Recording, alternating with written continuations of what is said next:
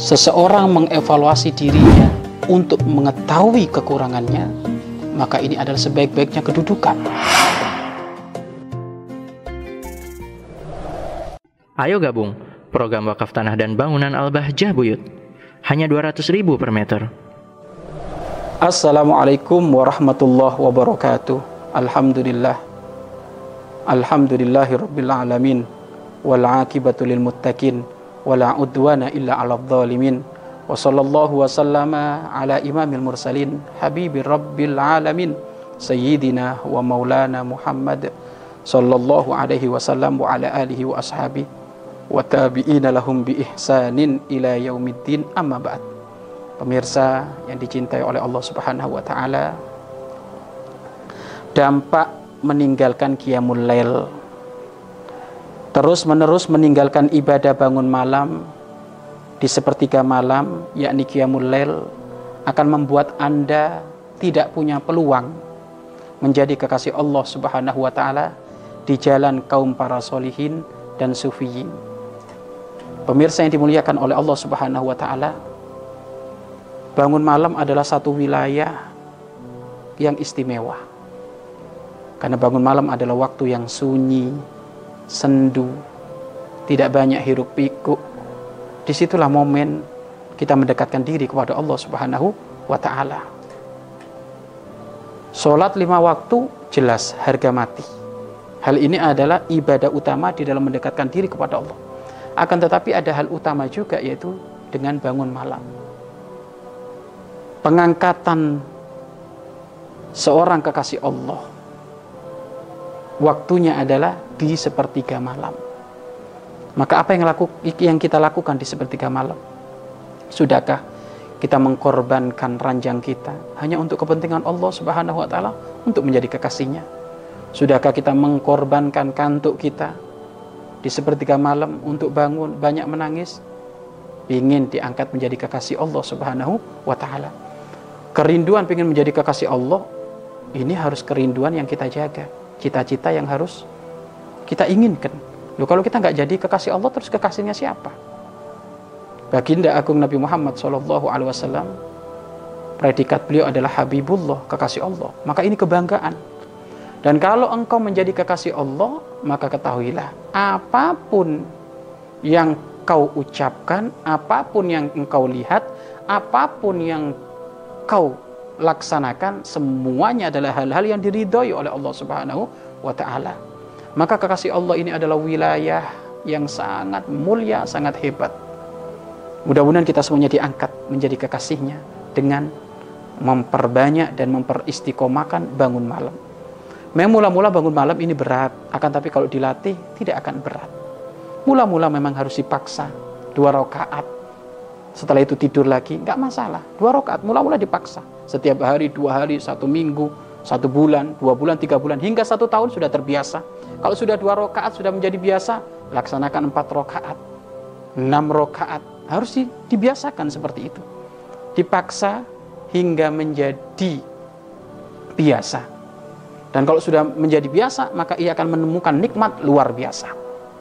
Pemirsa yang dimuliakan oleh Allah Subhanahu wa taala, latih diri kita untuk bisa bangun malam agar kita masuk wilayah orang-orang soleh.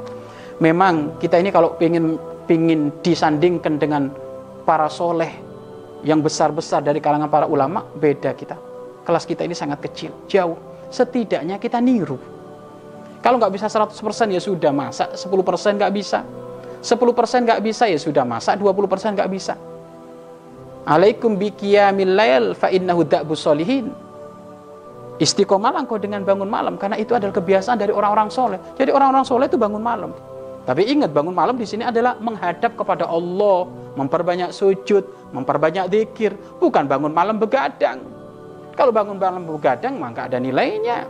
Begadang dalam arti mohon maaf nonton bola nonton tinju nonton ini, nonton itu. Lah ini oh ya percuma kalau begadang seperti itu. Tapi qiyamul di sini adalah memperbanyak kita ibadah kepada Allah Subhanahu wa taala. Bahkan di sepertiga malam Allah banyak mengkabulkan doa dari hamba-hambanya sehingga Allah menyeru kepada hambanya ala min mustaghfirin fa'aghfirullah adakah yang minta pengampunan kepadaku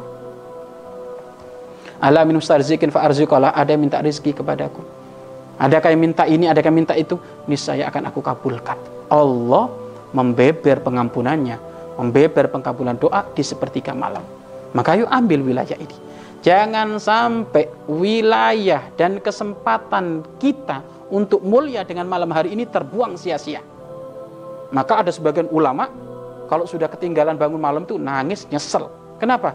Wah berarti tiket menjadi kekasih Allahnya hangus. Anda bayangkan, Anda mau melakukan bepergian jauh ke Jakarta.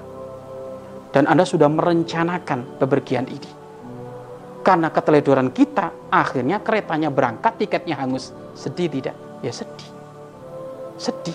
Akan tapi ingat, kesedihan para kekasih Allah di dalam ketinggalan bangun malam lebih sedih daripada ketinggalan tiket, hangusnya tiket, ketinggalan kereta, ketinggalan pesawat, lebih sedih daripada itu. Lebih sedih. Kenapa? Karena ini urusan adalah kendaraannya kepada Allah, menuju surga Allah, menuju wilayah Allah Subhanahu wa taala. Maka ayo biasakan kita rindu untuk bangun malam. Pelan-pelan kita atur, pelan-pelan, pelan-pelan, pelan-pelan. Maka ayo mulailah malam ini. Mulailah malam ini, mulailah malam ini untuk kita belajar bangun malam. Sudah dua rakaat sholat tahajud saja. Karena sholat tahajud itu tidaknya didahulukan tidur. Yang dinamakan tahajud itu jika tidur dulu. Walaupun tidurnya sebentar. Kalau tidak tidak tidak tidur Pak Ustadz, kalau tidak tidur ya sholat yang lainnya. Sholat qiyamul yang lainnya. Sholat hajat, istighoroh, mutlak, witir jika witirnya tidak di awal. Ya. Witir di awal boleh, witir di akhir boleh. Sayyidina Abu Bakar As-Siddiq radhiyallahu an. Beliau adalah termasuk adalah sahabat dekat baginda agung Nabi Muhammad sallallahu alaihi wasallam. Beliau witirnya di awal. Setiap beliau selesai sholat berjamaah, beliau menunaikan ba'diyah kemudian melanjutkan witir. Nah ini Abu Bakar As-Siddiq radhiyallahu anhu. Kemudian ada Sayyidina Umar bin Ibn Khattab dan juga sahabat Rasulullah Shallallahu Alaihi Wasallam witirnya di akhir. Maka kedua orang ini diceritakan oleh para sahabat yang lainnya di hadapan Rasulullah. Bagaimana ya Rasulullah Abu Bakar di awal, Umar di akhir. Apa kata Rasulullah? Abu Bakar orang yang ngati-ngati, kalau Umar orangnya kuat. Artinya apa? Rasulullah tidak mengingkari itu, diperbolehkan. Tapi yang jelas, jangan ada dua witir dalam satu malam. Cukup witir sekali saja tapi selebihnya daripada witir, selain daripada witir, boleh. Dan juga ada pemahaman di luar sana, katanya kalau sudah sholat witir di awal nggak boleh sholat sunnah lagi. Terus ngapain bengong? Itu salah faham. Tidak seperti itu. Kalau memang ternyata sudah melaksanakan sholat witir di awal, malam hari boleh. Tahajud, hajat, istiqoroh, tasbih, sholat sunnah mutlak boleh. Namun memang anjurannya jadikan witir itu di akhir segala dari sholat sun sunnah. Pada intinya, wahai pemirsa, ambil wilayah kekasih Allah ini dengan kita bangun ma, bangun malam. Tentu tidaklah orang akan menjadi ahli bangun malam kecuali sholat lima waktunya sudah istiqomah dilaksanakan. Aneh bin ajaib, bangun malam rajin, sholat lima waktu bolong-bolong. Nah ini nggak benar kalau kayak gitu.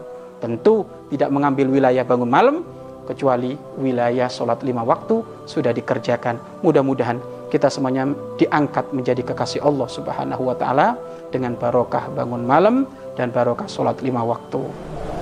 Mari berinfak untuk operasional lembaga pengembangan dakwah Bahjah Buyut.